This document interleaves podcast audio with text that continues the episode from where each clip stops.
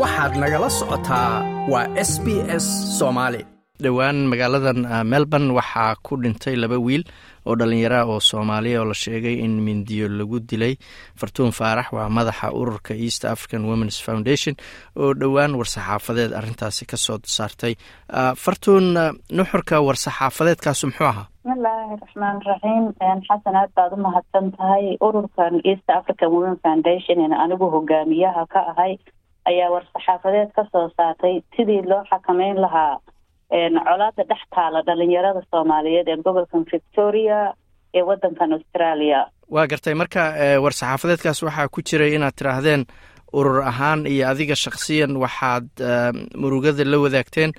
Mid ka mid a hooyooyinkii wiilashooda lagu dilay bal murugadaas iyo dareenka hooyadaas iyo guud ahaan si aad ula wadaagteen xasano run ahaantii waxa weeyaan colaadan sababtay dilal aan ku maaragta ku weynay wiilal dhalinyaro ah oo laba wiil oo dhalinyaro ah oo bulshada soomaaliyeed ee victoria ay runtii soo wajahday arrin aada walaac maaragtay u leh dhibkan hadda soo cusboonaatay soo cusboonaatay waxaan murugada la qaybsanay hooyooyinka labaduba anigu waan tegay waana la qaybsaday murugadaas haddaan nahay bulshada soomaaliyeed gaar ahaan hooyooyinka.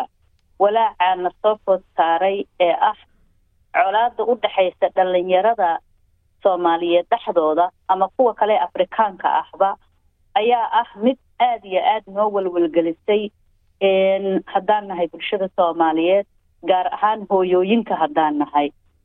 Ururkanaga iyo ururada kale ee u shaqeeya arrimaha bulshadaba waxaan ku baaqaynaa inaan arrintan sidii colaadan loo xakameyn lahaa ayuu maaragtay war-saxaafadeedka anagu ku saabsan yahay. Sidii loo xakameyn lahaa colaadan oo bulshadan ay u istaagi lahayd si ay nabad uga dhaliso carruurta colaadu ka dhaxayso. Taas ayuu u badan yahay war-saxaafadeedkanaga waa gartay waxaa ka mid ahaa war-saxaafadeedka inaad tirahdeen waa in si deg dega tallaabo loo qaado ama howl looga qabto si xal loogu hela arrintan. Maxaad is leedahay tallaabooyinka deg dega oo loo baahan yahay waayihiin si loo xakameeyo arrintan?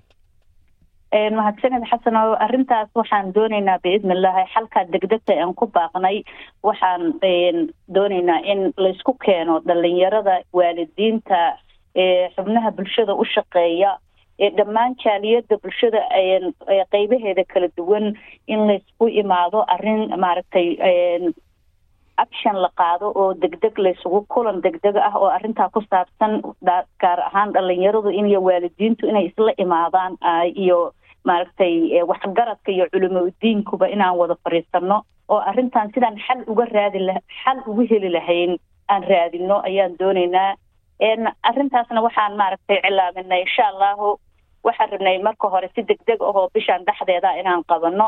Haddana waxyaabo badan darteed baa noo suurtageli waayey. Waxaan cilaaminay biidni illaahi kariim sideeda january in arrintaas la qabto.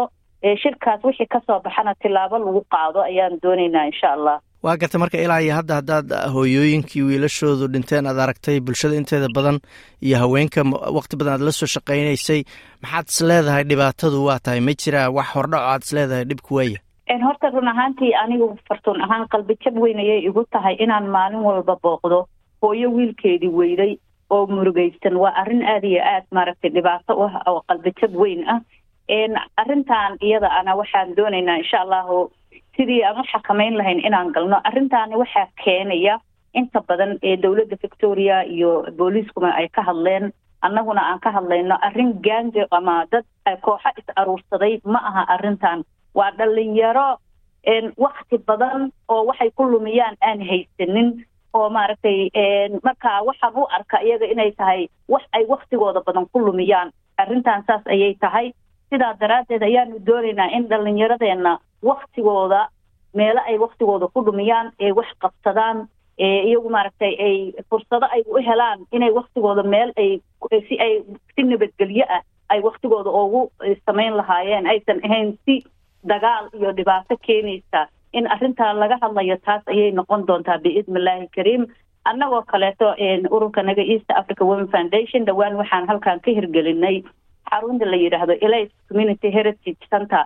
Xaruntaas iyada ah ayaa waxay maaragtay aan doonaynaa in dhalinyaradu ay wakti isku helaan iyaga ay markaa iyagu ay imaadaan xaruntaas oo waktiyadooda maaragtay ay brogaraamo ama mashruucyo ayaga ay doonayaan. Markaa wax ayaga ay markaa danaynayaan inaan loogu qabtaan doonaynaa biidni illah arrintaasna wax yar baa nooga dhiman centerkaas sidii maaragtay aan arrimaha ugu qaban lahayn. Inkastoo haddaba aan howlo badan iyo dhalinyaro badan ay ku xiran yihiin oo aan wax ku qabanno haddana sida aan rajaynayno aan doonayno xaruntan iyo xarumo kaloo la mid ah in xaafadaha intee laga sameeyo in dhalinyaradeenna waktigooda ee ay haystaan ee badan meel ay arrinta ay ku bixiyaan oo si wanaagsan oo nabadgelyaha ay ugu bixiyaan inay helaan. Taasina waxaa keeni karta in bulshadu isxilqaanto dhalinyarada odayaasha hooyooyinka waxgaradka culimo udiinka haddii aanan isxilqaamin eenan u istaagin arrintaas waxaan arki doonaa ama laga yaabaa inay imaato ilaahay ha naga qabtee dhalinyaro badan oo naftooda weyda ayaa dhici karta inay arrintaa haddaanan hadda u istaagin arrintaas. Waa garta ugu dambeynta baaqaas aad ku sheegtay inaad doonaysid in bulshadu arrintan ay ka kulanto iska aragto. Ilaa iyo hadda baaqaas ma laga soo jawaabo dadka ka soo qaybgalaya ma diyaar u yihiin run ahaantii wigan ayaan sabnaa inaan shaacino wararkaas aan u sheegno dadka oon ku maaragtay ku baahino meelaha baraha bulshada iyo dadka communitiyaasha meeshaan isku ark aragno gaar ahaan dumarka. Dumar badan baa isoo wacay oo leh arrintan maxaa ka qabanay waa noo istaaga arrin sidaan wax uga qaban lahayn ha loo istaago. Marka waan ku tali jirnaa arrintaas insha allahu. Ururada dhalinyarada u shaqaysa sida himilo oo kale ayaa arrintaas nala wada ayaga naftigooda oo qayb ka ah sidii laysugu keeni lahaa dhalinyarada waalidiinta iyo dhammaan bulshada qaybaheeda kala duwan si xal loogu helo colaadan aan waxba maaragtay soo food saartay ee ah caruurteenna inay naftooda ku waayaan. Sidii xal loogu heli lahaa inaan u istaagno weeyaan biidni illah bulshada soomaaliyeed ayaa waxaan rabaa inaan u diro baaqan inaan arrintan aynan iska indha tirin oo aysan oranin nin walba ilmahaygu anigu wuu ii fayow yahay oo wax danahon ka leahay ma jirto waxa waxa dhacahaya. Arrintan qof kasta oo soomaaliya way saameyn bay ku yeelatay. Ilmahaada hadduuna maanta ku jirin asagoo baska sugaya laga yaabaa ama meel socdo jaamacaddiisa u socdo in asagii loo dilo oon waxbaba galabsanin oon kugu jiro aad isleedahay wiilkayga ama gabadhaydu waa safe aad isleedahay oo way nabad qabtaay oo dadkaas kuma jirto. Ayaa laga yaabaa inay dhibaatadan iyadu la kulanto. Marka wayna wada saameynaysaa haddaan nahay bulshada soomaaliyeed waxaan dhihi lahaa gaar ahaan waxaan la hadlayaa ragga soomaaliyeed. Waxaan doonayaa arrintan in si deg dega loogu istaago haddaad u malaynaysaan arrintan inay iyadu isxallinayso isma xallinayse dad bay u baahan tahay. Taasina waxay ahayd fartuun faarax oo madax u ah ururka east african womens foundation oo aanu ka wareysanay war saxaafadeed. Dhowaan ay ka soo saartay arrinta dhimashada laba wiil oo soomaaliya oo magaalada melbourne dhowaan lagu dilay. Fartuun aada umahadsanta adaa mudan xasan like aas la wadaag wax ka dheh lana soco barta facebooka ee s b s soomaali